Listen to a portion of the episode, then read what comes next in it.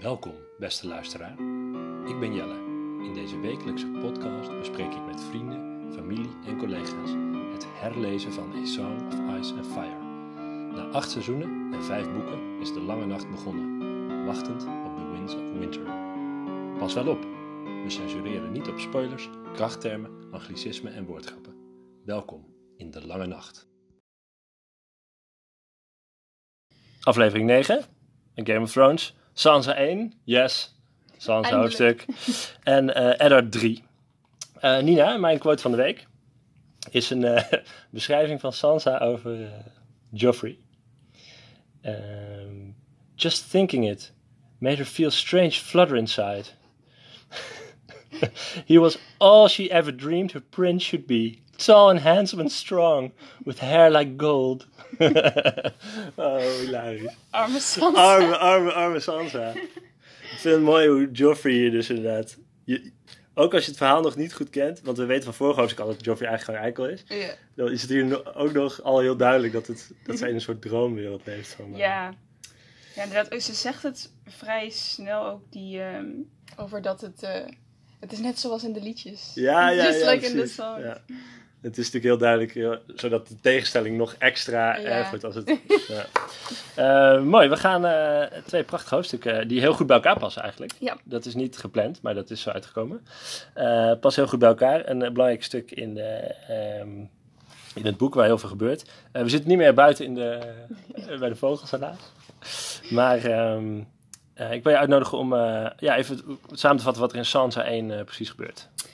Eh, nou, ze, de hele karavaan die naar King's Landing gaat, die heeft stop gehouden bij ergens bij de, de Ruby Fort, hè, waar de laatste veldslag van de, de oorlog van Robert tegen de Targaryens was gevochten.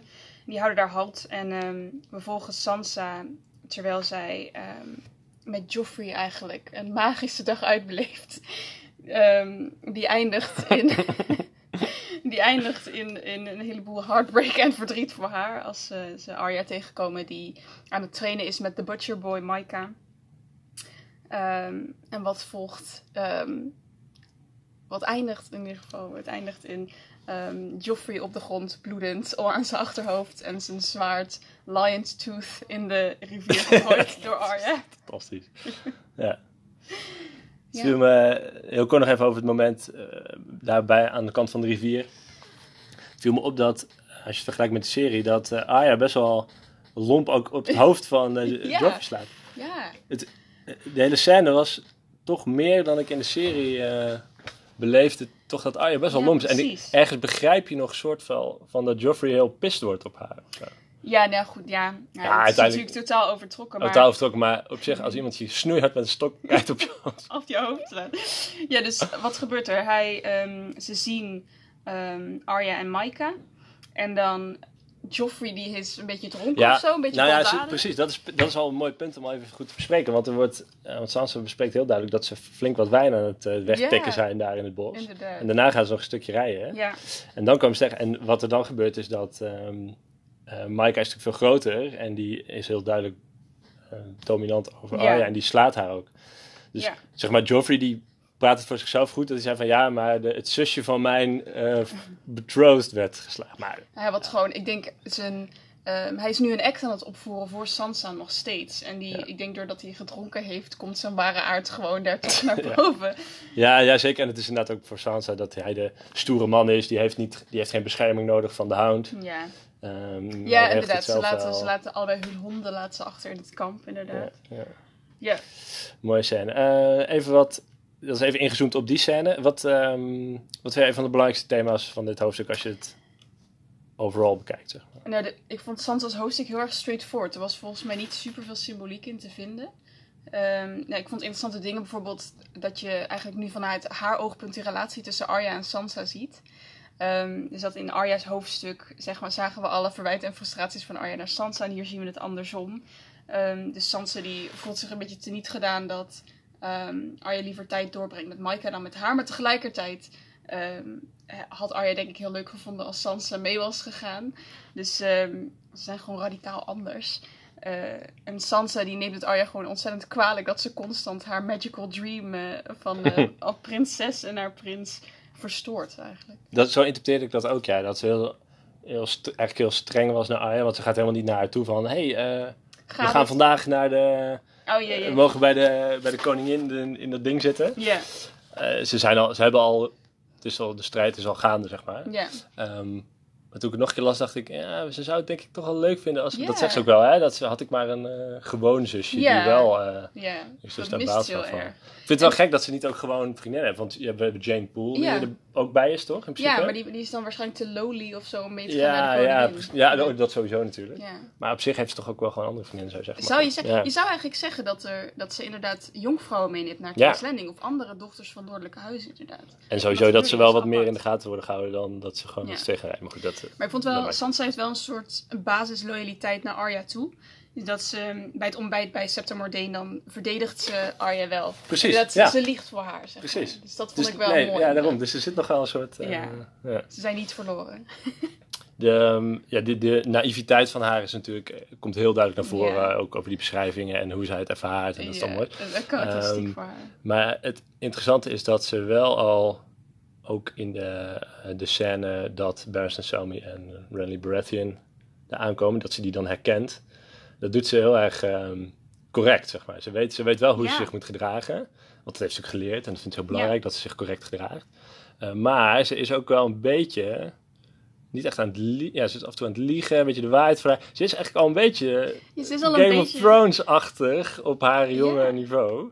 Ja, het is natuurlijk, je, je kunt zeg maar zeggen dat Sansa heel naïef is en dat is ze ook wel. Maar uiteindelijk is zij de enige Stark die in King's Landing weet te overleven voor Ja, lange tijd. Ze vertoont het gewenste gedrag, maar daardoor overleeft ze. En het, ja. ik las, dit is niet Ze, wat ik ze, zelf... ze, gaat, ze voegt zich naar wat Ja. er verwacht wordt. en dit is niet wat ik zelf heb bedacht. Ik kwam ik tegen op een, eh, op een website. Iemand die zei van... Het klassieke, eh, de klassieke quote is van... eh, you either win... eh, if you play the Game of Thrones, you either win or die. Zij is eigenlijk de enige die... Het, ja, misschien... Ja, Die dat weten we natuurlijk niet, die tussenweg vindt. Ja. Misschien wint, ze uiteindelijk, hè? dat weten we niet. weten we niet. Het serie, boek weten we niet. Eh, maar zij is eigenlijk de enige die dus een beetje door gewenst gedrag te vertonen... op de goede momenten Ja. de goede dingen te zeggen... nou, een beetje tussendoor laveert. Het lukt in haar inderdaad om te manipuleren eigenlijk door koortjes te zijn. Dus door heel erg eigenlijk te doen zoals, zoals van haar verwacht wordt in elke, op elke manier. Ehm, ja, wat je uiteindelijk ehm, kunt zeggen over wat ze het hoofdstuk hierna doet. Hè? Dus, dus liegen. Hmm. Aan de ene kant ehm, zorgt haar leugen, dus het feit dat ze, dat ze liegt over wat ze heeft gezien aan de rivier, ervoor dat uiteindelijk eh, Arya, zeg maar, ge- ja, Arya, maar daarna dus zij zelf gestraft wordt. Hmm. Tegelijkertijd zag ik, denk ik, voor haar niet echt een andere mogelijkheid. Ik denk, ik denk dat ze moest, dus daar Dat weer die tussenweg moest kiezen. Dat, precies, daar moeten we straks maar over hebben. Ja, ja, inderdaad. over dat moment. Want dat, ja, daar wordt ze wel heel erg onder druk gezet Ja. natuurlijk. Maar inderdaad, je had het over het moment dat ze, dat ze dus die drie, eh, dat ze die drie belangrijke personages... Oh ja, laten we even kijken. Want eh, we zitten dan nu... eh, we bespreken nu het moment dat ze de, dat moment met Arya gehad heeft. Ja. En ze gaat terug en ze ziet daar dat er een scène is... waarbij er drie knights uit King's Landing zijn gekomen... als een honor guard om te begeleiden. ja, echt een fucking lange weg trouwens. Zit je daar helemaal Super, niet... ja, echt bizar. Maar goed. Eh, maar ja, de vraag is natuurlijk wat ze dan te bespreken. Want ze gaat meteen gaan ze met eh, Cersei in overleg. Ja. Dus de vraag is een beetje wat ze daar dan bespreken of Ja. zo. Ik vermoed ook de Daenerys, eh, dat Daenerys getrouwd is. ik neem aan wel, dat ze dat gaan bespreken, wat ze moeten doen. Los van koning. Maar dat is interessant. Ik had geen Ja. idee. Ja, wat zouden ze met Cersei bespreken? Ja. Ik kan me niet voorstellen namelijk dat een van hen... Nee, maar dat verhaal van die honor guards is natuurlijk heel raar. Want ze zijn met 400 man. Nou, ja, dat... eh, lopen ze gewoon terug naar King's Dat Landing. wel, ja, maar, boeien. ehm, Waarom heb je een honor guard nodig? Maar Eddard heeft ook wel een honor guard toe naar de, de koningskaravaan Ja, dat gestuurd. wel Dus hij aankwam naar King's Landing. Ja, misschien is dat een beetje... Winterfell. Nou, in ieder geval, wie zien we daar? Eh daar staat een hele eh, oude, ervaren... eh, eh, zeg maar de prezes van de, de King Guard, hoe noem je dat? De Lord Commander of zo? Of Lord de- Commander of de- nou, in ieder geval het hoofd van de King's Guard, Barristan Selmy. Eh, daar staat de jongste broer van eh, de koning, onze Renly Baratheon. Yep. Hij wordt wel echt heel knap beschreven, hè? ja, mooie haren, mooie ogen. ja, en sterker nog, he was the handsomest man The handsomest man. Oh, is nog handsomer dan Joffrey zo. Yo, nou, dan heb je wel bereikt. Renly Baratheon en dan een hele creepy dude. Eh, in de serie is ook heel creepy. Dat vind ik wel goed gecast. ja, Eh, Sir Ilan Payne. Sir Ilan Payne. Mooi dat dat ook weer nu geïnteresseerd Want dat is dus ook weer heel duidelijk het verschil tussen eh, Eddard en Robert. Dat Robert een man heeft die zijn executions doet. Voor hem doet. Voor hem doet. Ja. En dat is dus totaal niet. Nou, Ja, ja, ja. Ja, Ehm, nee, ik vond het echt heel apart dat hij echt, ehm, volgens mij die andere een beetje uit de weg schoudert om voor Sansa te gaan staan. Ja, ja. Duwt ze hem weg en dan staat Sansa daar zo... Dus Sansa is echt een beetje overweldigd door angst. Zo'n Ja, golf, vloedgolf van angst. Dus het lijkt misschien alsof ze Super creepy. hier al ook een voorgevoel bij heeft wat Ellen Payne uiteindelijk gaat doen. Wat ze hem op een paar meter afstand Ja. gaat zien doen. Nou, je ziet ook dat, dat Lady daar ook op reageert. Hè? Ja, Dus, eh, dat vond ik heel mooi inderdaad. Dus ook ehm, Lady is natuurlijk de eerste direwolf die, we, die doodgaat. Ehm, maar ook daar, dus ook zij hebben die connectie, zeg maar. Sansa is ook een echte Stark. Dat Ja. zie je hier nu ook wel. En het feit dat ze zeg maar, zich zo kan voegen naar de, de, de ways zeg maar, van het zuiden en van King's Landing... betekende niet dat ze niet van binnen nog steeds gewoon een echte Stark is. Ja, mee eens. Klopt. Dat Ja. zie je wel. De, en, en een verbinding met die wolf. Mooi is als je nu ook ziet.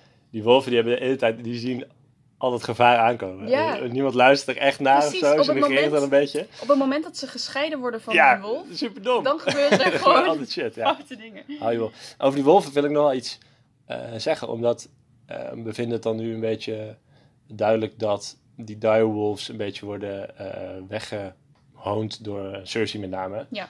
Eh, omdat dat zeg maar wilde beesten zijn die bij de Starks horen en dat vindt ze... Maar ergens zat ik te denken, ja, is ook wel invoelbaar. Want weet je, die direwolves komen daar nooit. Die zijn, dat zijn de eerste direwolves die daar in de honderden jaren Ja, zijn geweest. En het zijn supergrote wolfachtige beesten. Dus ja, ik vind het niet zo gek dat mensen zeggen van... "Nee, misschien moet je even, even buiten laten. nee. Toch? Dat is toch niet heel Nee, gek, dat zeg maar. ik. Ja, ik denk Cersei. Ik denk dat zij die direwolf ziet. is het enige waar ze echt reële angst voor kan Ja, hebben. Want zeg maar, elk andere persoon in de realm doet waarschijnlijk wat zij wil. Maar die die kan zij niet controleren. Ja, dramatisch, eh, dramatisch einde van een eh, sprookje eigenlijk. Hè? Ja, En ehm, inderdaad, wat je zei, er zit weinig eh, symboliek in, maar best wel veel voorschaduwing in de zin van... Het lijkt een soort incident met kinderen, maar er zit natuurlijk heel veel Het is Stark eigenlijk- versus Lannisters. hier is waar hell breaks loose, zeg Ja, precies. Dit is heel, heel duidelijk dat het, ja, dat het gewoon no- nooit meer goed gaat komen Nee, tussen en al deze die mensen. kinderen verliezen allebei hun, eh, onschuld, zeg maar, aan het eind Ja. van volgende, het volgende hoofdstuk. Dus Ja. het is echt eigenlijk het, voor hen ook het begin van hun reis, zeg maar. Ja, En dit gaat inderdaad nog heel lang door, eh, doorzingen. Mhm. Eh, mooi. Ik heb nog een aantal- ja, ik heb nog een aantal dingen, maar dat, dat is, het is echt wel leuk dat het volgende hoofdstuk hier natuurlijk compleet aansluit. Maar goed, we eindigen dit hoofdstuk met dus de stand-off tussen Joffrey en Arya. Mhm. Joffrey die bedreigt arme Maika. Die volgens mij... Ik had echt het idee dat Arya hem gewoon een soort van had opgedragen van... Jij gaat met mij zwaard vechten. En dat hij het best wel naar zijn zin had. Maar die had, was er ook niet, zeg maar, helemaal uit vrije wil. opgevraagd. nee, nee. Echt super zielig. En hij, ja, hij wordt dan een soort van door Joffrey ehm, nou ja, aangevallen, hè, met het zwaard bij zijn oogkas. Eh, en dan Arya verdedigt haar vriend op een heel, ehm, nou ja, op een zwaar aanvallende manier door hem met een stok op zijn achterhoofd te slaan, Het is een eh, wild meisje, die eh, Arya, ja. zodat hij daar gaat bloeden.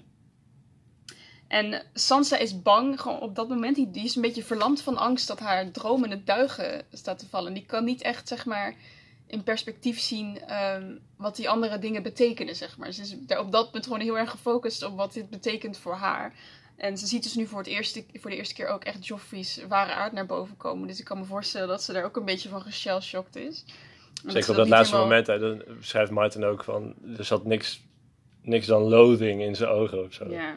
Yeah, echt, eh, Joffrey slashed at Arya with his sword, screaming obscenities, terrible words, filthy words. Filthy words. Ja. En helemaal op het laatst dan, eh, dan zie je dat hij... eh, maar goed, hij is op zijn hoofd geslagen en in zijn arm gebeten. Ja.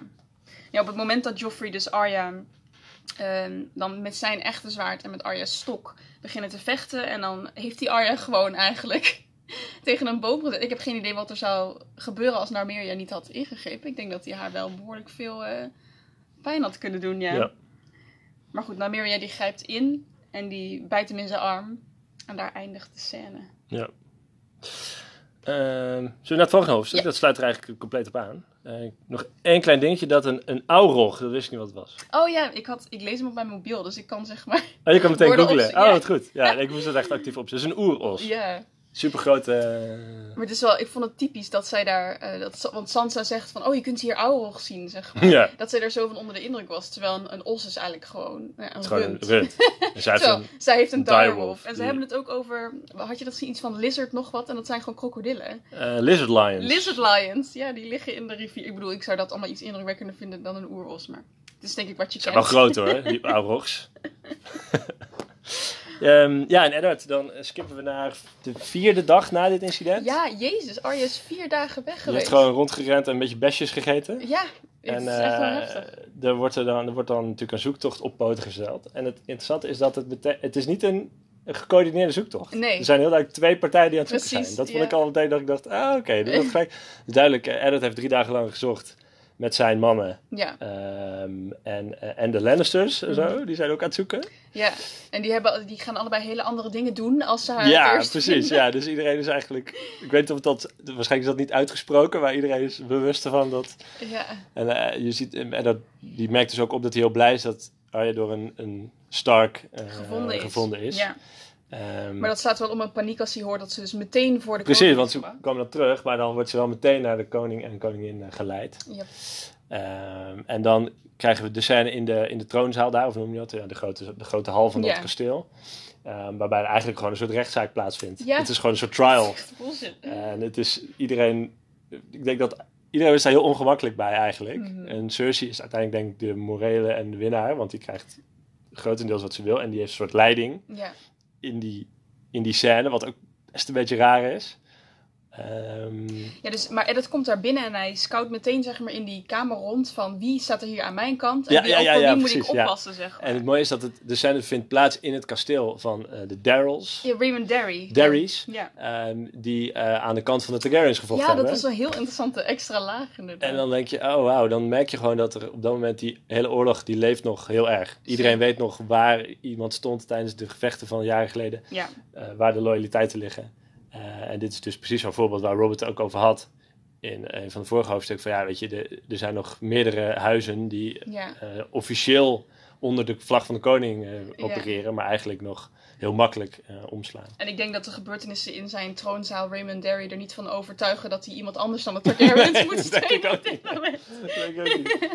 Ja, dus wat gebeurt daar? Er wordt een beetje eh, gezegd van ja, wat is er nou eigenlijk gebeurd? Er wordt een soort waarheidsvinding gedaan, maar dat wordt gedaan door eh, eerst Arya te laten vertellen wat er gebeurd is. Ehm, dan volgens Joffrey te laten vertellen wat er gebeurd is.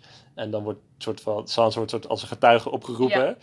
Maar ja, die wordt natuurlijk enorm onder druk gezet, waarvan ik ook denk, ja, eh, eh, Ned Stark, kom op, dat, dat Dat- kan je nee. niet maken, zeg maar. Je kan je dochter niet zo onder druk zetten, hè? Nee, want inderdaad, want wat als zij de waarheid vertelt en ze is nog steeds, die verloving gaat nog steeds door, dan, komt, ze- dan staat ze al ongeveer 10-0 achter Ja, dat tegen de tijd dat ze in Nee, dat kan je natuurlijk niet doen. Nee. Ehm, nou, uiteindelijk ehm, wordt het toch een beetje gespind door Robert als een soort kinderspel. Zo van, nou weet je, als jij mijn kind, eh, of, eh, ik geef mijn kind wat straf en jij, als jij jouw kind straf geeft, dan hebben we het nergens meer over. Eh, maar daar gaat Cersei niet in mee. nee. En die wil bloed zien eigenlijk. Ze wil eigenlijk het liefst wil ze gewoon Arya's hoofd. Ja, en dat is dus heel interessant, want ehm, dat kwam ik, wist ik ook niet meer, maar daar ben ik ook tegengekomen dat er echt in Clash of Kings of in Storm of Swords ehm, gaat Jamie het nog over hebben. Oké. Die kijkt nog terug op die avond. En we krijgen dan te horen dat hij. eh, want hij is op dit moment nog aan het zoeken. Hij is nog onderdeel van een zoektocht. Ja. Dus hij is nog weg. Maar die, die nacht wordt hij door Cersei geroepen Mhm. om bij hem te komen. Om eh, de seks te hebben.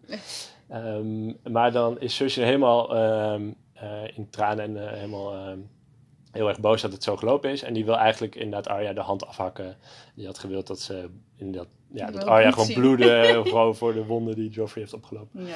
Dat is wel interessant. Maar dat gaat niet gebeuren, eh, want Robert is uiteindelijk is hij natuurlijk wel de eindverantwoordelijke en die Ja. eh, zegt wat gebeurt. Ja, maar Ehm, nou ja, zij ja, niet helemaal. want- Door, want inderdaad, klopt. wat je zegt, ja, want Robert Cersei zegt dan ik wil bloed zien. Dan zegt hij, eh, hoe zit het nou met die direwolves? Ja. En dan zegt Cersei, nou dan wil ik in ieder geval een direwolf doodzien. Ja. Robert heeft, ja, ja, hier wordt weer eens benadrukt eigenlijk ten overstaan van het hele hof en ten overstaan van Eddard, wie hier dus nu de macht heeft. En dat zijn de Lannisters. Ja, en ook, want er zijn ook heel veel Lannister-men. Dat beschrijft hij het ook, hè? En dat- het zijn niet de Kingsmen, het zijn Nee, Lannister het men. allemaal Lannister-men, die banners hangen daar. Het, is, het is vreselijk. Maar een en ook, en, en zeg maar, het huwelijk tussen Cersei en Robert is denk ik een van de, nou, misschien de meest toxische Ja, is vreselijk. in het hele Rijk. Ik bedoel, hij is alleen maar aan, naar de, aan het eh, snauwen van eh, hou je bek. zij, Ja. zij zit er constant tussendoor met nee, ik wil, ik wil bloed zien, ik wil dat haar straffen. Eh, Eigenlijk zou je kunnen zeggen, als Joffrey misschien met een andere ouders was opgegroeid, zou hij dan misschien iets anders zijn geworden. Ja, op zich, Ja. Marcella en Tommen hebben er geen last van. Dus ik denk dat het ook een beetje Nee. innate is. Maar Nee, maar Joffrey is natuurlijk wel opgegroeid als de kroonprins die koning moet worden. ja, Eh, die heeft wel... ehm, die heeft Hij niet- zoekt de goedkeuring van zijn vader en die krijgt hij nooit. Nee, hij wordt hier nee. ook echt letterlijk uitgelachen door Renly. Dat is wel echt een hilarisch. Daar moet ik, moest ik echt om lachen trouwens. ja. Dat Riley zo... Oh ja, dan mag je me nog eens uitleggen hoe jij eh, ontwapend bent door een meisje. Door een meisje van negen. Nee, het is, eh, Joffrey is niet zo veilig gehecht als kind, Nee, denk ik. nee.